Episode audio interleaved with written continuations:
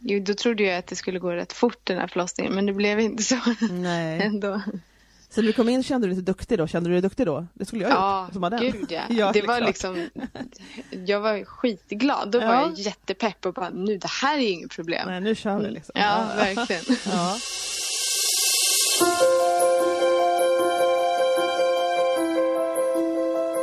Välkommen till Magpodden.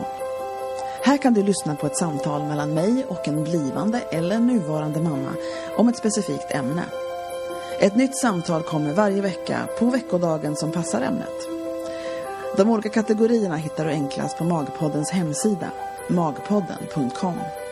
Där hittar du också porträtt på dem som jag pratar med här. För jag är porträttfotograf i Vasastan i Stockholm med speciell inriktning på gravida och nyfödda. I min studio har jag haft många fina samtal med mina kunder. Och en dag insåg jag att de här samtalen kanske var någonting som andra kunde ha glädje av att lyssna på. Av olika anledningar. Och så kom Magpodden till. Jag heter Bodil Bergman Hughes och mitt företag heter Bergman Hughes Images. I övrigt så gillar jag saltlakrits, sköna soffor, roliga kvinnor, berg och dalbanor, sena kvällar, stora hjärtan, soulmusik och kaffe, bland annat. Nu börjar vi.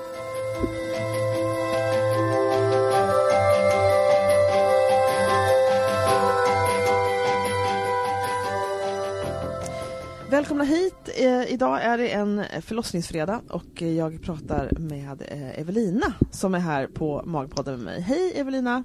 Hej! Välkommen hit. Tack, tack.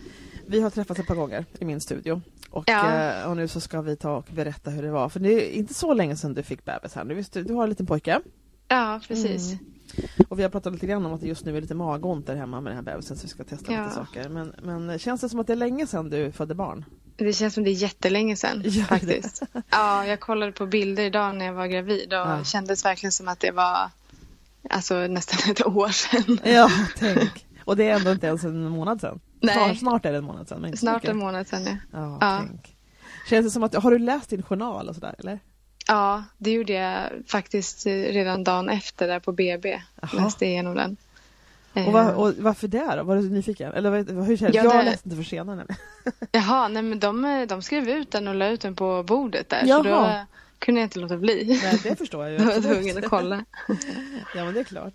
Men, då, men kommer du ihåg hur det var då? Kommer du ihåg, om vi pratar om det nu, kommer du ihåg vad som hände? Ja, alltså jo men det tror jag Ja. faktiskt. ja, men det gör inte. Vi kan ta den versionen du kommer ihåg idag. Det är ingen som vet någon skillnad. Vet du, så det, det är bara att Nej, på. precis. Men jag tror det är, det är intressant det där, för jag har haft olika samtal om förlossningar i olika skeden, efter, alltså olika länge efteråt om man säger.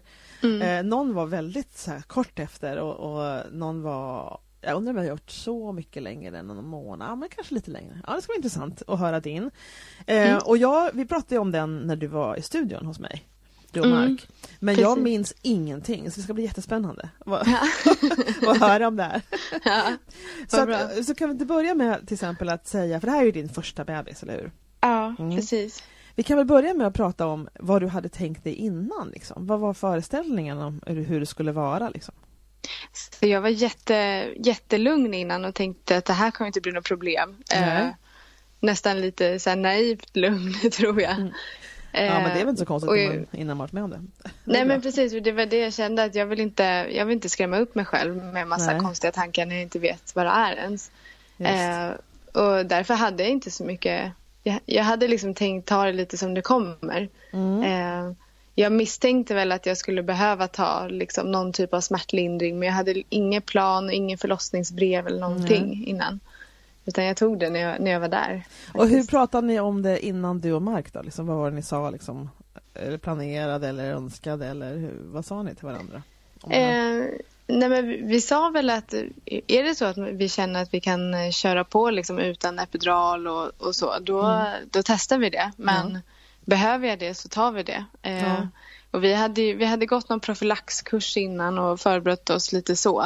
Eh, Mm. Men annars så var vi mest, ja, också ta lite som det kommer Mm. faktiskt. Är du så tycker du i livet i övrigt också? Att du liksom tar det lite som det kommer? Ja, jag försöker vara så. Mm. Jag blir så stressad annars. Mm, okej. Har du fått lära dig liksom att ta det som det kommer? Eller, vad, hur det? Ja, ja, men lite så faktiskt. Ja. Jag har alltid varit så här, planerat väldigt mycket och varit väldigt, eh, ja men kanske funderat lite för mycket över vissa saker. Och Ja, då har jag börjat ta ja, ta det lite mer lugnt. just det. Så brukar det Du lösa har sig. kommit fram till att man inte kan kontrollera allt. Nej men precis. Det, och sen är Mark väldigt mycket så också så jag Aha. tror att han har påverkat mig lite att bli så faktiskt. Att ta det som det kommer menar du eller? Ja, Ja, ja, just det, just precis.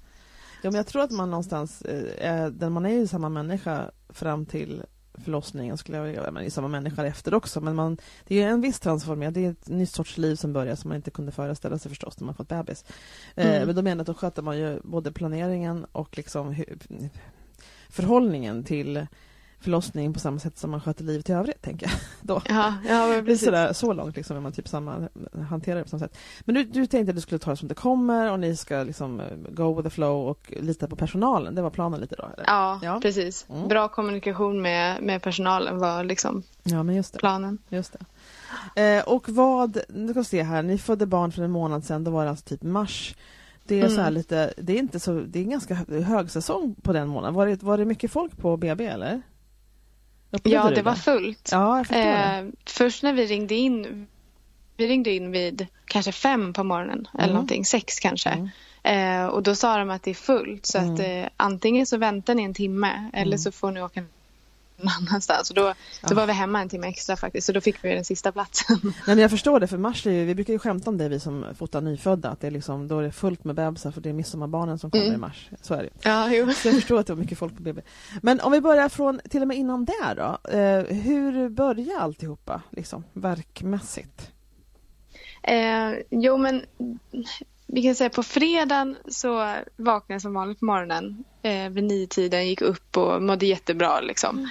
Eh, sen så fram mot lunch, eller efter lunch tror jag var, så började jag få ganska ont, sammandragningar. Mm. Eh, men jag tänkte inte, alltså jag, för, jag förstod inte. Nu efterhand så kan jag tänka att det kanske var förverkar. Ja. men det fattade jag inte då. Liksom. Nej, okej. Eh, så jag tänkte, jag hade en plan att jag skulle gå ner till centrum, det tar ungefär en kvart att gå. Och eh, handla lite och sen gå tillbaka också och så. Ja, ja. Och den här promenaden den tog ju kanske 25 minuter. För jag hade så ont. Men så i- envis som man är så går man fram och tillbaka. Och sen eh, eh, på kvällen så kom Mark hem och då eh, sa jag att jag tror att jag har förverkar men jag vet inte. Och sen så drog det igång där vid åtta tiden på kvällen började jag få verkar då. Och, och vad menar du med Eh. dra igång? Vad var skillnaden? Alltså då började det göra ondare liksom. Och Mm. då kände jag att nu måste jag börja klocka och se vad det här är för någonting. Just. Eh, och då var det väl kanske en, jag tror det var en fem minuter mellan. Eh, det, var, det var rätt intensivt redan från början och eh, Ah. rätt regelbundet. Jag tror den längsta pausen jag hade var på åtta minuter eller någonting mellan verkarna. Och det var liksom under hela Mm. natten. Ja.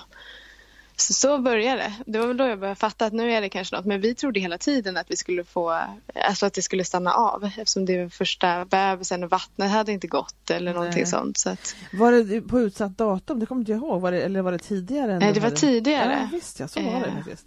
Hur det mycket här var ju- tidigare? Eh, vad blir det? Åtta dagar innan. Ja, okej. Så därför var det också, vi var ju förberedda på att gå över Ja, eh, det. tid. Men ja, Så det var som att du inte riktigt fattade att det var på gång?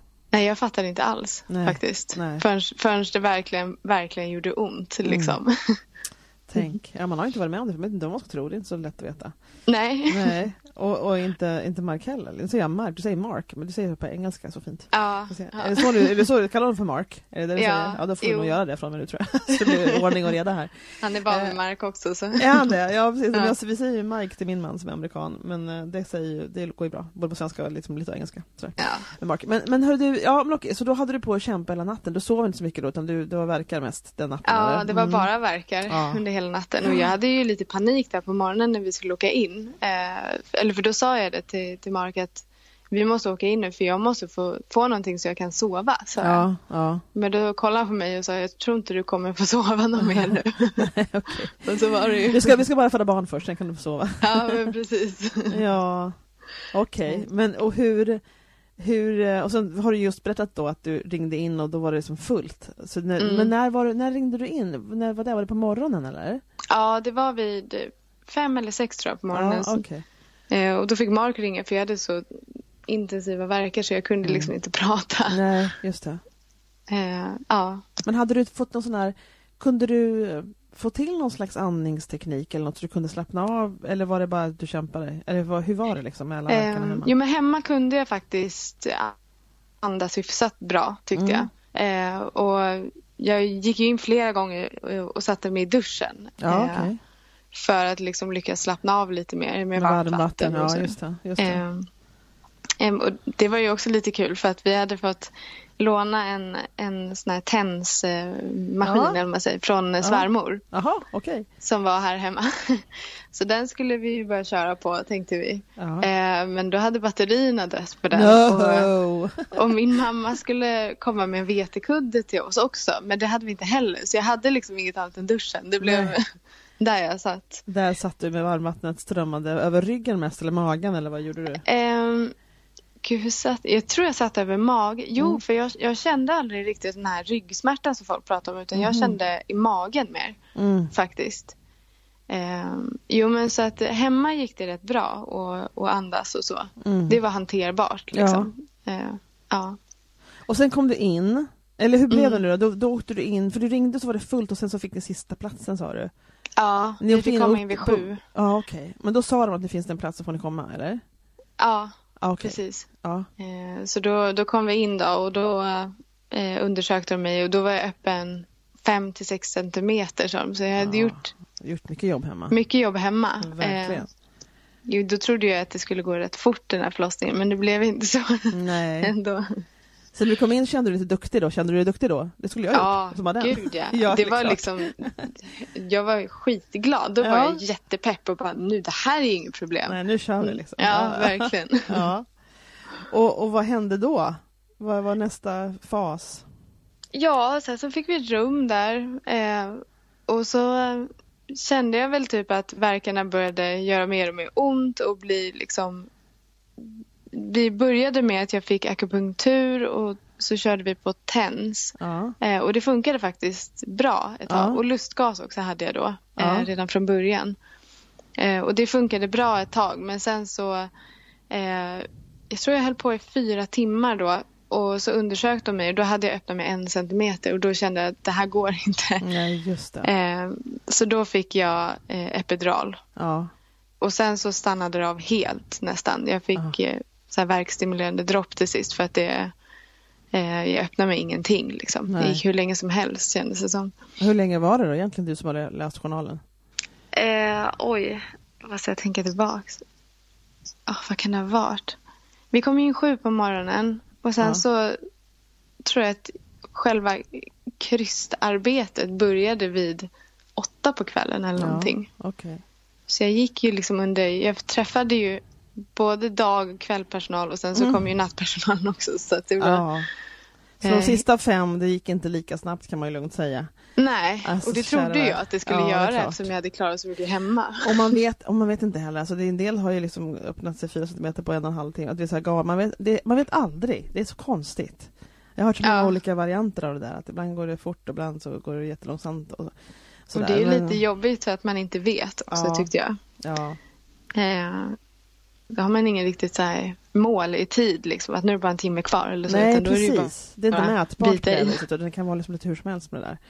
Ja. Eh, men vad hände så du fick verkstimulerande dropp, men kom det igång då? då? Eller var liksom, någonstans så kom du ju till tio uppenbarligen, eller? Ja, jag gjorde det till sist.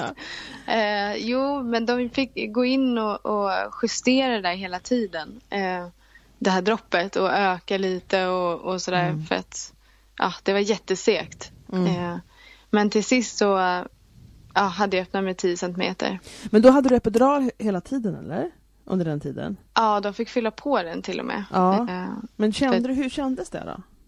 Ehm, alltså det var ju, först så var det himmelriket när det liksom tog bort all smärta så Ja. fort. Ja. Eh, men man, man kände ju fortfarande att, att verkarna kom men man hade ju inte ont liksom. Nej. Eh, och jag tyckte att det var väldigt skönt för att jag var så himla trött. Eh, då hade jag varit uppe liksom mer än ett dygn och hållit på Ja. hela natten och så så jag Ja. var helt slut. Eh, så då, då kunde jag liksom slappna av lite och vara uppe och gå och försöka liksom få ner honom lite Ja, grann. men just, just det. Eh, Jag var uppe mycket med gåbord och satt på pilatesboll och, och så. Mm, Det mm. funkade bra. Eh, Och ja. gunga, gunga lite på den eller studsa lite på Ja, den? precis. Ja, just det, just det. Jag försökte liksom skynda på det hela. Och vad kommer, du ihåg, kunde. vad kommer du ihåg med, med Mark då? Alltså hur, hur jobbar ni ihop liksom? Vad, vad gjorde ni?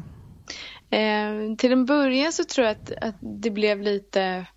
När jag började få så riktigt, riktigt ont. Eh, då tror jag att det var lite jobbigt för honom att veta exakt vad han skulle göra. Även fast vi hade gått den här profylaxkursen och sådär. Eh, när jag hade TENS-apparaten så hjälpte ju han mig att, att öka styrka varje gång jag fick en värk. Så han var liksom mer så. Och sen eh, tryckte han mycket på mina knän. Eh, det var jätteskönt faktiskt. Ja men just det, vi pratade om det här, så var det någon sån här höfttryck som du inte alls gillar.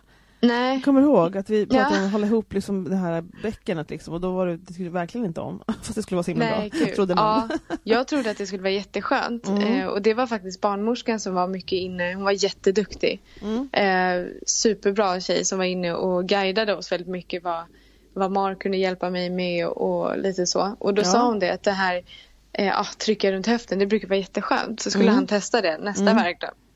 Men det, det som jag sa till dig innan, att det, då kändes det verkligen som att han nästan tryckte tillbaks bebisen. Jaha, just Det var det. jätteobehagligt tyckte Och det jag. ville vi inte i det här läget. Nej, nej. Så det fick han inte göra. Men hur satt det när han tryckte på knäna? Jag tror inte jag riktigt förstod hur det var. Du, Eh, hur, hur var det liksom Vi hade, ställningsmässigt? vi hade gjort eh, sängen som en stol, eller man säger. Att man upp med huvudändan där Ja. och, och ner med fötterna. Ja, Eh, så jag satt i sängen kan man säga. ja. Och då stod Ah, han okej. liksom framifrån och tryckte på Framifrån, knäna. Ja. Just det. Vad lustigt Eh. det skulle vara så bra då. Ja, ja, jag vet inte. Det var jätteskönt faktiskt. Det funkar bra. Och sen var alltså, Mark var ju verkligen en, en klippa genom hela förlossningen tyckte jag. För han eh, såg till att jag fick i mig saft och liksom eh, peppade mig jättemycket och, och så. så att Mm. han hjälpte ju mig väldigt mycket på, på det sättet också. Mm. Kände du att ni var ett team? Ja, det gjorde jag faktiskt. Eh, och jag visste faktiskt, det var nog det som gjorde mig väldigt lugn också. Att, Mm. att jag vet att vi jobbar bra ihop. Ja. eh, sen fick han lite skäll i slutet av förlossningen. Eh, det- Varför det? Vilken själv? Vadå då? Vad gjorde han? nej men då, då, det var vid krystvärken då hade jag så himla ont och så Mm. Jaha, det var Eh, du som skällde? Okej. ja, jag trodde att han fick det var jag som skäll av förlossningen. Vad hade de Ja, det nej, nej, förstår jag nej. att man gör, men det vet man inte. Det, är- det förstår jag. Det, har, det är helt Ja. okej. Man får skälla på folk när man föder barn. ja, jag tycker jag var snäll fram till sista Fram till kvarten kanske. Okej. Ja, men, men då, men så, men så håller på att få de här äh, epiduralen då, men var de tvungna att sluta med det mot slutet? Eller hur, hade du liksom smärtlindring hela vägen eller hur funkar det liksom? Ehm, nej, men jag tror, det här vet inte jag riktigt, men jag tror att det ehm, faktiskt tog slut fram mot slutet. Mm, Den här mm. dosen som jag hade. Eh, för helt plötsligt, det kändes som att det var verkligen från noll till hundra i en natt. Eh, när han började glida ner ordentligt så kände, Ja. då började det få så jäkla ont. Ja. Eh, och den sista timmen, eller en och en halv timmen, är jättesuddig för mig faktiskt. Aha. Och då hade jag så himla ont och eh, ja, jag körde på lustgasen då. Och det är Mark faktiskt som har berättat mycket i efterhand Ja. hur det var. Och jag har så små fragment av det men Vad säger han då? Vad har han berättat? eh, ja, vad har han berättat? Eh, nej, men det, jag kan inte säga något specifikt kanske men han eh, det, det är såna små saker som jag inte riktigt kommer ihåg. Att hur, hur gjorde jag där och, och vad hände där och hur lång Mm. tid tog det här och Mm. sånt där. Just det. Och sånt har jag fått liksom fylla i. Just det. Eh, men eh, ja, vad var vi? Vad pratade vi om? Det känns Jo, som jag hoppade. Nej, det är ingen fara. Jag, för jag tänkte bara på att vi, du hade fått den epiduralen, sen tog den slut. Och så sa att det plötsligt kom smärtan väldigt mycket på slutet då. Från, från att du hade, för jag undrade nämligen om det hade räckt hela vägen ut till att du födde fram barnet, att du hade smärtlindring. Och då Ja, undrade jag lite grann nej. hur det, var, hur det var mot slutet och så sa att det var det inte. Och då minns inte du så mycket, sista timmen och sådär. Nej. Nej, precis. Eh, men kryssningen och sådär, när du var, kom, minns du det? Men Man brukar kalla det the Anna, Anna som jag känner, Anna Frisk som kör Annas profylax, hon pratar om the ring of fire, det är när verkligen bränner och svider, när barnet ska ut liksom. mm, Eh, och att man helst vill packa upp och gå hem i det läget. och, så. och att det liksom är då man verkligen måste peppas. Men hur, hur minns du liksom, du säger att du minns inte så mycket, minns du liksom när, när barnet kom, när han kom fram då? Alltså minns du när du födde? Jo, men alltså jo, men jag minns ju en, en del ändå, mm. det gör jag ju. Mm. Eh, jag var väldigt besluten innan att jag, jag ville föda honom på knäna i Aha. sängen, att man står ja. och håller om huvudändan. Just. Eh, och det är just för tyngdlagen. Alltså det är mest för att jag har hört att, mm. att det ska vara det bästa. Mm. Eh, men sen så först så kände jag kryst, krystverkarna och då fick jag liksom andas igenom dem för då ville hon inte att jag skulle eh, krysta från, till en början då. Eh, men sen när jag väl skulle krysta då, hade, då kände inte, jag kände att jag fick verkar men, men jag fick inte det här som alla pratar om att, eh, att hela kroppen hjälper till. Mm. Liksom. Eh, det kände inte jag då. Så jag hade jättesvårt att, att krysta faktiskt. Ja.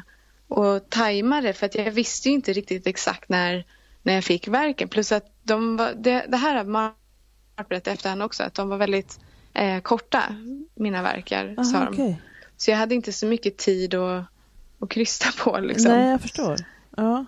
Eh, vad han har sagt i alla fall. Sen vet inte jag riktigt om det stämmer. Men, mm. eh, och det var verkligen, alltså att jag fick ju improvisera lite. Och du chansade liksom lite grann? Det var dags ja, jo, men det var lite så. så. Ja. ja. Eh, och det sa jag till barnmorskan också. Att jag, för hon sa du måste krysta nu. Så men jag känner inte riktigt när jag ska krysta. Mm. Eh, och jag vet inte om det var lite dålig kommunikation mellan henne och mig där. För att jag tror inte riktigt hon förstod att jag inte kände. Ja, eh, för hon sa det, men lita bara på kroppen och, och följ efter kroppen. Men, men jag kände ju ingenting så att det var lite svårt. Ja, jag förstår. Eh, och det var inte otippat? Sen, det hade du inte tänkt att det skulle vara så? Nej, verkligen inte. Och det tyckte jag, det tyckte jag var jättejobbigt faktiskt. Ja. Eh, för att jag trodde verkligen att min kropp skulle hjälpa till ordentligt. Ja, men det ja. gjorde den inte riktigt. Eh, men det gick ju bra ändå. Och sen känner jag verkligen igen det här du sa med att man vill packa ihop och gå hem. Ja, exakt. I slutet så sa han, nej men det här går inte. Nu, det här går inte. Ni får, ni får snitta mig. Liksom. Ja, just det. Ja, men det, det, är tydligen det extremt vanligt alla känner så. Och det är då man, man ja. verkligen måste få pepp när man liksom är på den punkten. Och, det, och alla känner tydligen så. Alltså, mm, det är skönt det. Ja.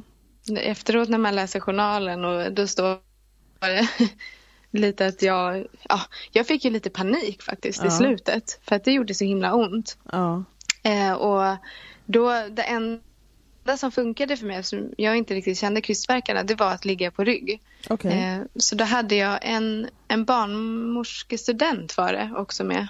Mm. Som höll i ena benet och sen så höll undersköterskan andra benet och så stod mm. barnmorskan där nere och mm. såg till att jag inte skulle spricka för mm, mycket. Mm, höll emot lite eller? Eh, ja, och, och, med varje verk mm. eh, så tryckte de upp mina ben. Ah, och det okay. gjorde att jag fick riktig panik för det Aha. kändes som att de höll fast mig så hårt när jag hade så ont. Ah. Så då, då fick jag jättepanik och liksom sa att nu, nu får ni släppa mig. Ah. Eh, men det, det, kan de inte riktigt göra. Nej, kunde Kanske. varför kunde de inte det då? Alltså de släppte mina ben någon gång har jag för mig.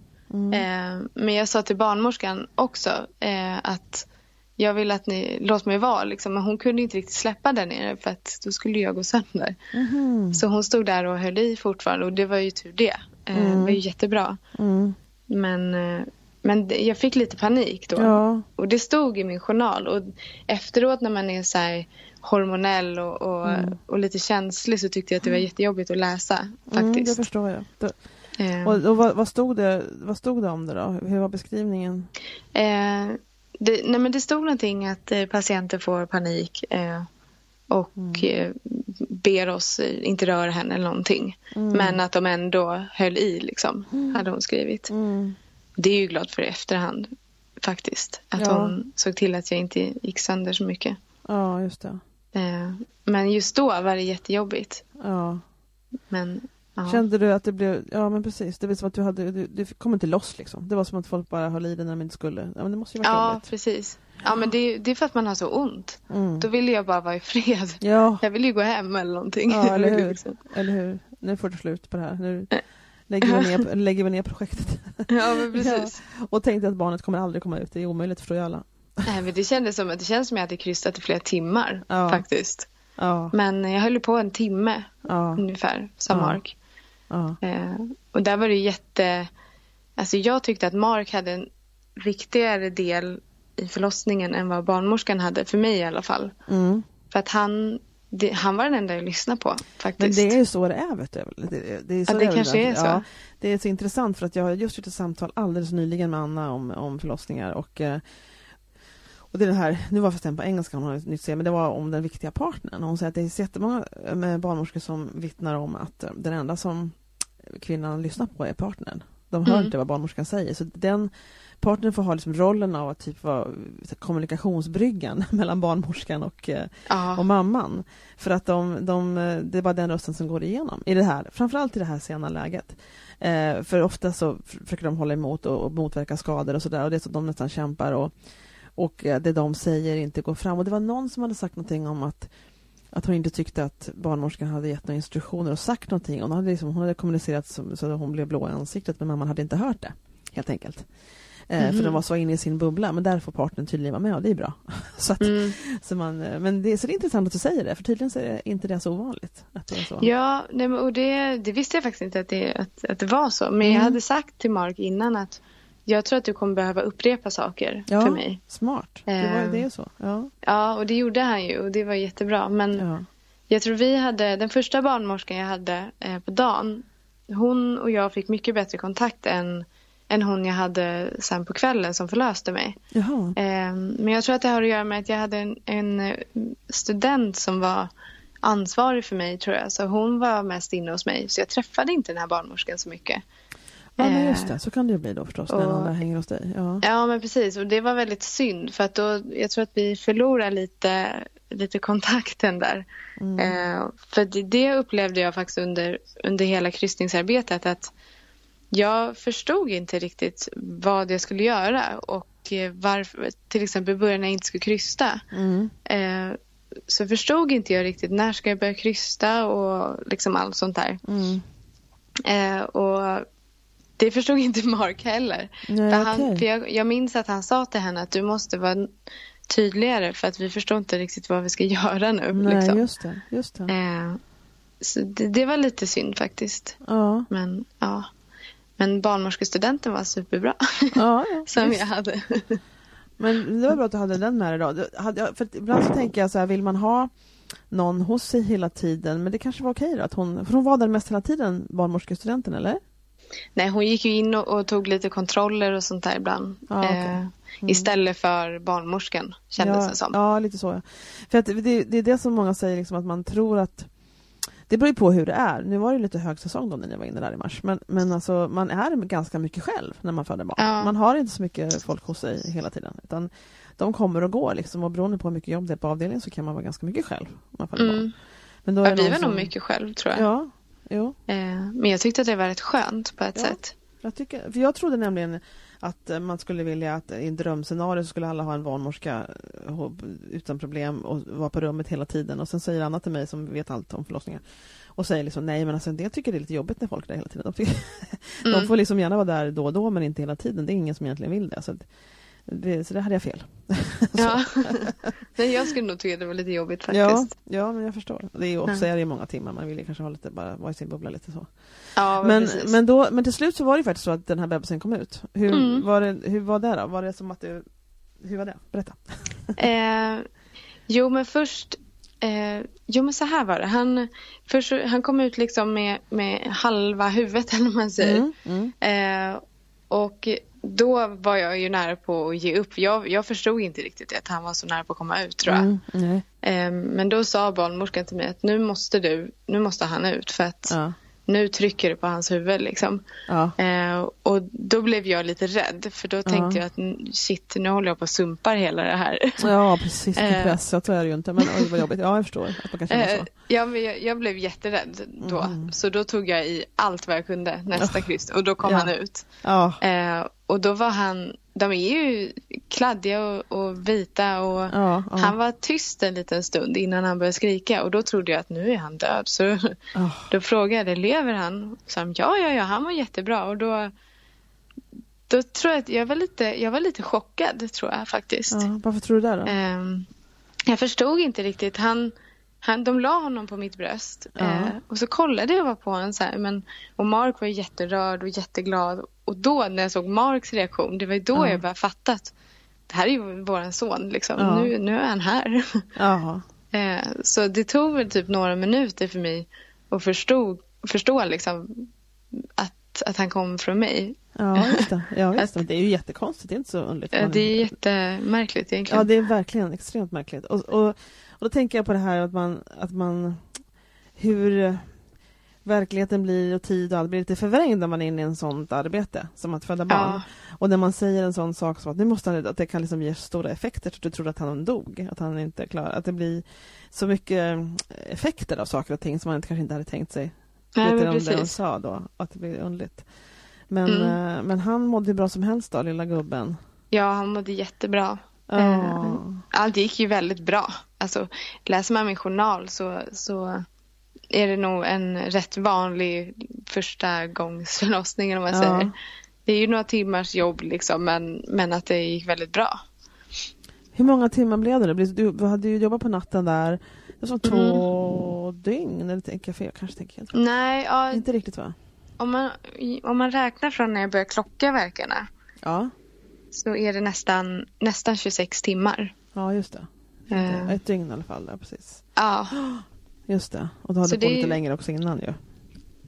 Mm. Jo, Men jag tror att det är rätt vanligt ändå. Jo, det tror jag med. Den, ti- det tidsintervallet liksom. Och sen är det ju så olika förstås, men, men, det, men det, det räknar man ju. 24 timmar för en första gångs föderska verkar ju inte sådär jättekonstigt. Men Nej. sen kan det gå väldigt mycket kortare också, så alla är olika. Men om du ser tillbaka då, känner du liksom att eller hur ser du själv på det nu? Alltså, känner du liksom att ja, men det var väl helt okej det där? Det kan jag tänka mig om. Eller Mm. känner du aldrig mer? Eller vad du för upplevelse? Eh, jag kan säga direkt efter. Folk brukar ju säga så här, ja, men man glömmer direkt och vill ha till barn så fort Mm. han har kommit ut. Så. Mm, mm. Eh, det kände inte jag. Då Nej. kände jag att nästa barn blir ett snitt i så fall för att det här Ja. klarar inte jag igen. Ehm, och ju, jag tror att det tog väl en vecka för mig att och, typ bearbeta förlossningen lite grann. För att jag, jag var rätt chockad efter och Mm. tyckte att det var rätt traumatiskt Mm. faktiskt. Mm.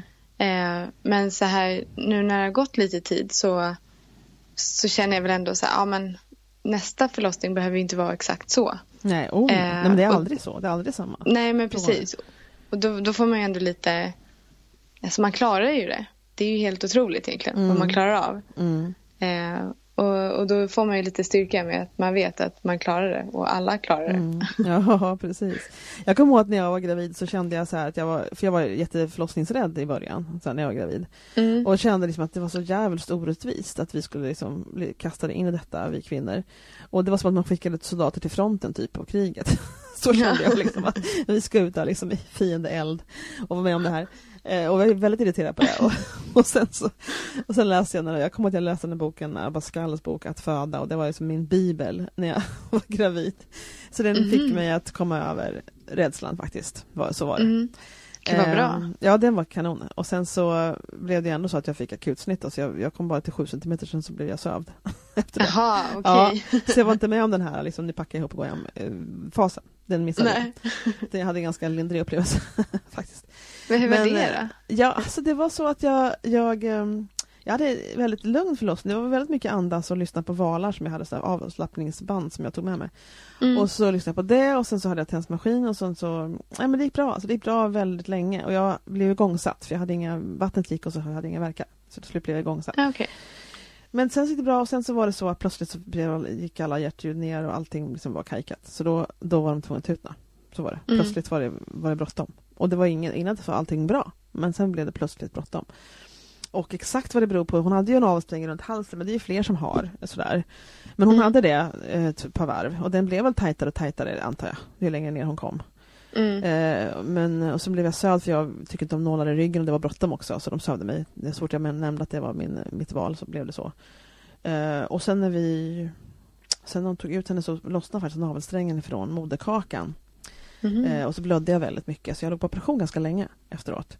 Eh, och eh, Michael fick ta Emma då. men hon mådde bra när hon väl kom ut. Det gjorde hon Mm. och det gick bra. Liksom. Allt gick bra. Och jag kommer ihåg att när jag blev rullad ut mot operation så kände jag två saker bara. Det ena var att jag, för vet, allting hade varit så bra fram till dess. Jag hade en jättebra graviditet, jag hade en helt eh, okej med verkar, jag andades och det gick väldigt bra. Mm. Och, så jag kände aldrig att det var någonting som var egentligen så jobbigt. Sådär.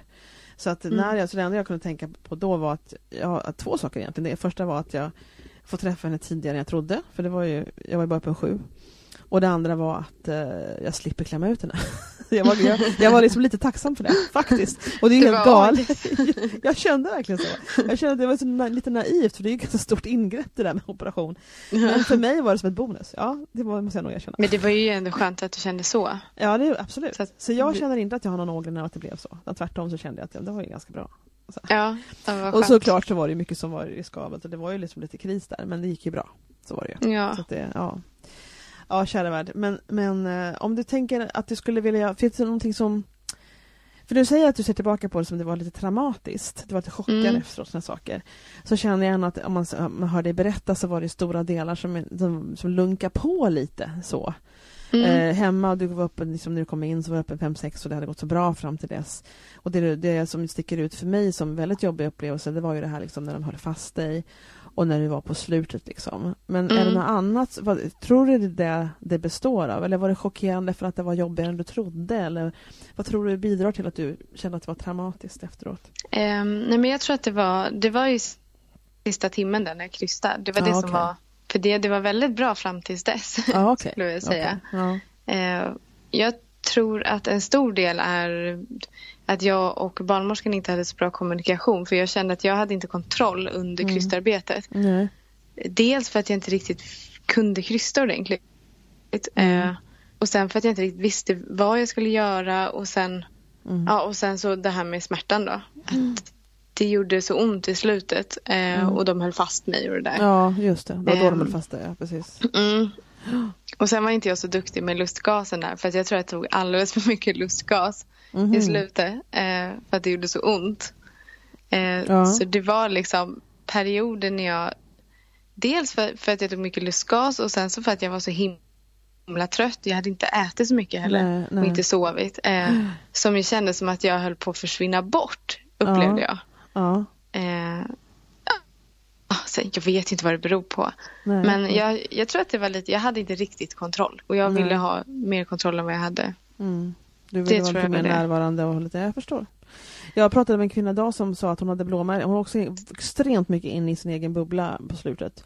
Och hon sa att Mm. jag hade blåmärken över näsan och kindbenen av lustgasmasken som hon hade tryckt, tryckt Ja, emot och bara det. sugit i sig det där. Eh, så det är Ja. nog inte bara du som, som eh, tar i med den. Och hon kände sig också lite borta faktiskt. Det Ja. berättade hon senast idag vid lunch. Mm. Det är ju liksom, där och då så vill man inte släppa den här masken. Men Nej. i efterhand så känner man väl att hade jag släppt den lite mer så hade jag nog kunnat kontrollera allting lite bättre. Ja. Tror jag. Fast det vet man ju inte för sig. Det vet Smärtan man kan inte. ju göra sitt och sen också. tänker jag så här också, att man, man, eh, det är ju inte någon liksom, man får inte guldstjärnor ju mindre man håller i masken. Liksom. Nej, nej precis. Någonstans så gör man ju det man tycker det som behövs just då. Ja. Och det Ja, finns liksom precis. ingen prestationslista liksom, på vad som är bra och dåligt utan det är bara att köra på med det som whatever works. Liksom, tycker jag. Mm. Så man inte känner så mycket prestationsångest för att man inte gjorde det. Det gjorde nämligen jag med. Alltså det här är intressant tycker jag.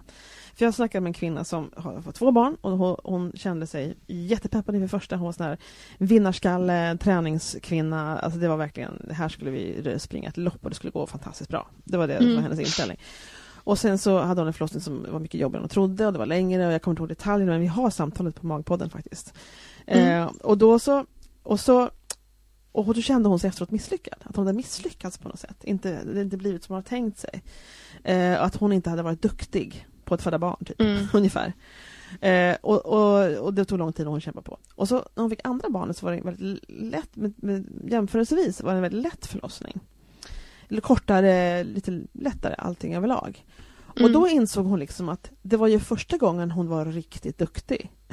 Förstår du? Ja. När man kämpar och det är jobbigt och det tar tid och allt det. Hon kände att hon misslyckades i att få till en lätt eh, förlossning. Men hon kämpade ju på som ett djur liksom.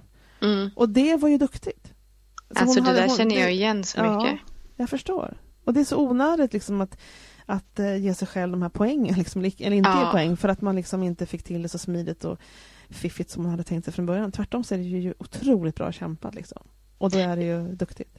Ja, ja men verkligen. Och jag känner igen det där så himla mycket. Och just det här, det är så löjligt egentligen. För det jag tänkte på dagen efter förlossningen, som jag sa till Mark också. Mm. För jag skrek så himla mycket i slutet. Det gjorde ju så ont. Så jag Ja, skrek ju liksom Ja. rakt ut. Ja. Och då sa jag till honom, gud vad pinsamt att jag bara låg där och skrek. Mm. Och han bara, men snälla alla gör det. Ja, eller hur? Ja. Och det är ju sant, för jag hörde ju andra kvinnor alltså med, under tiden när jag var där Mm. som liksom höll på med det här kristarbetet och förlöste. Mm. Mm. Eh, och de skrek ju verkligen. Och det gjorde jag med. Och Mm. det är ju så löjligt att man, att man bryr sig om det egentligen. Ja.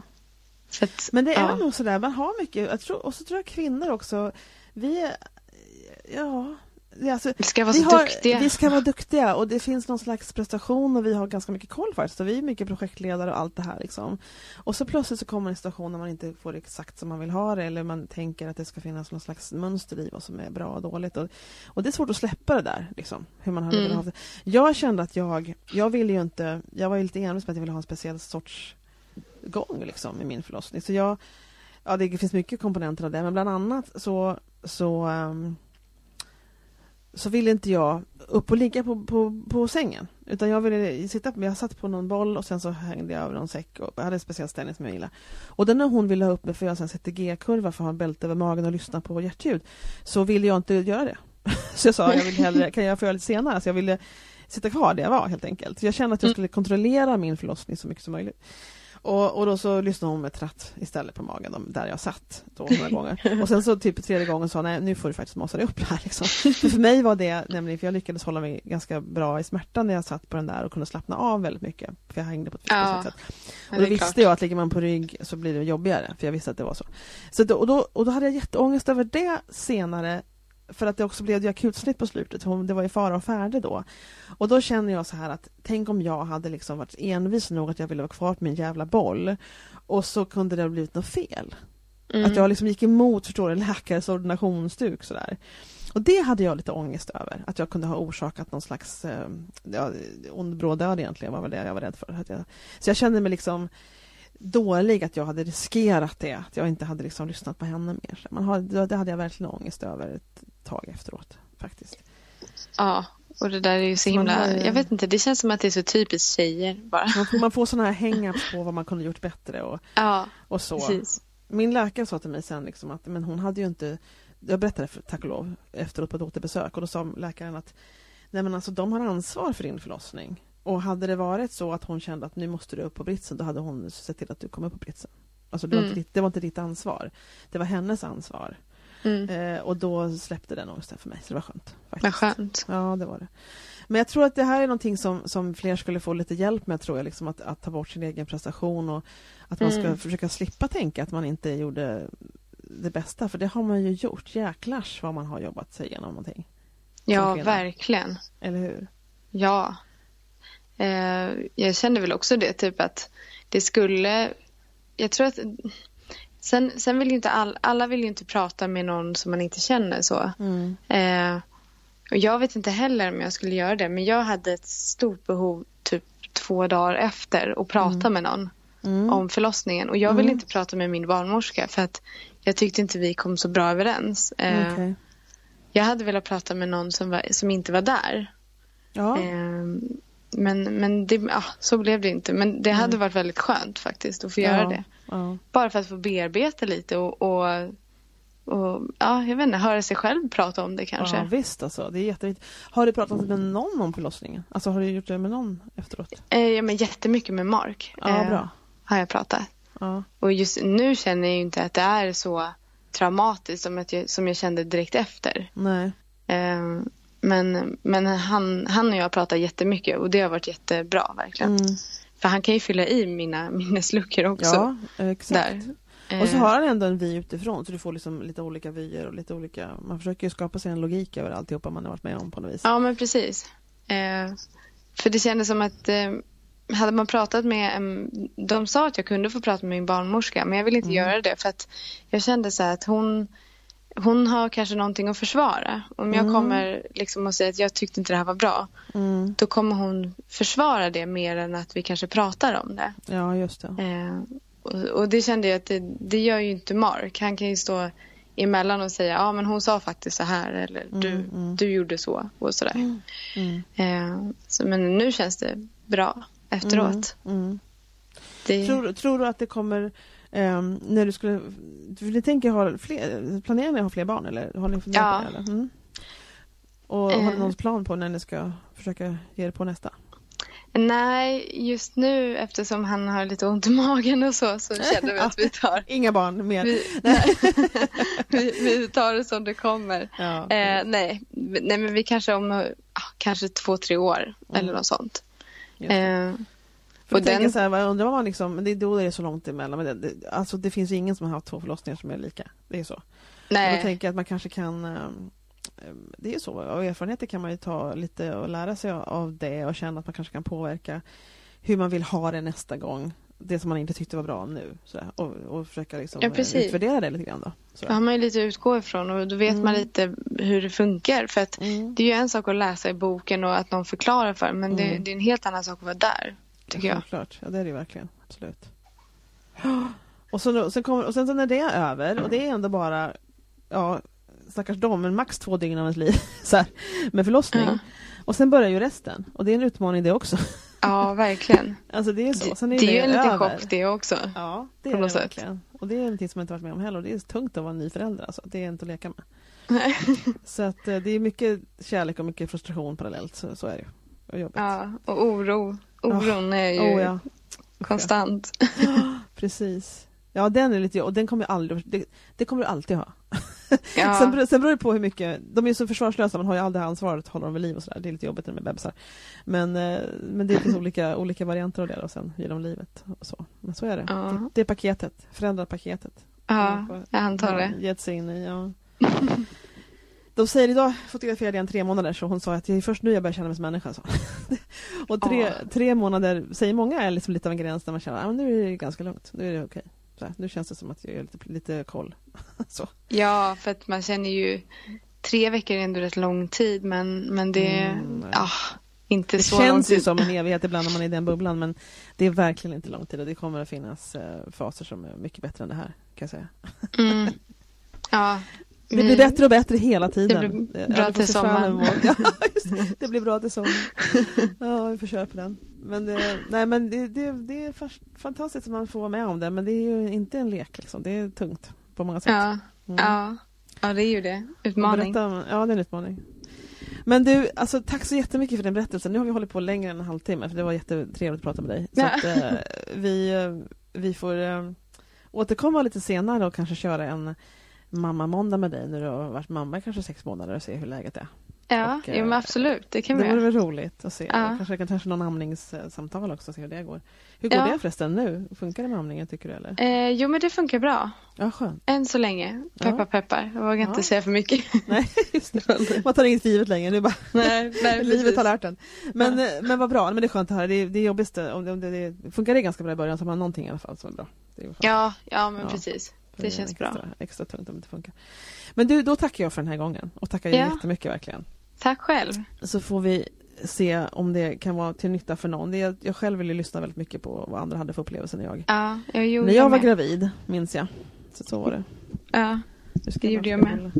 Men då, då säger vi hej då så hörs vi kanske senare på Magpodden en annan gång. Helt enkelt. Ja. Ja, hej då! hej då. Tack så jättemycket för att du lyssnade på dagens samtal.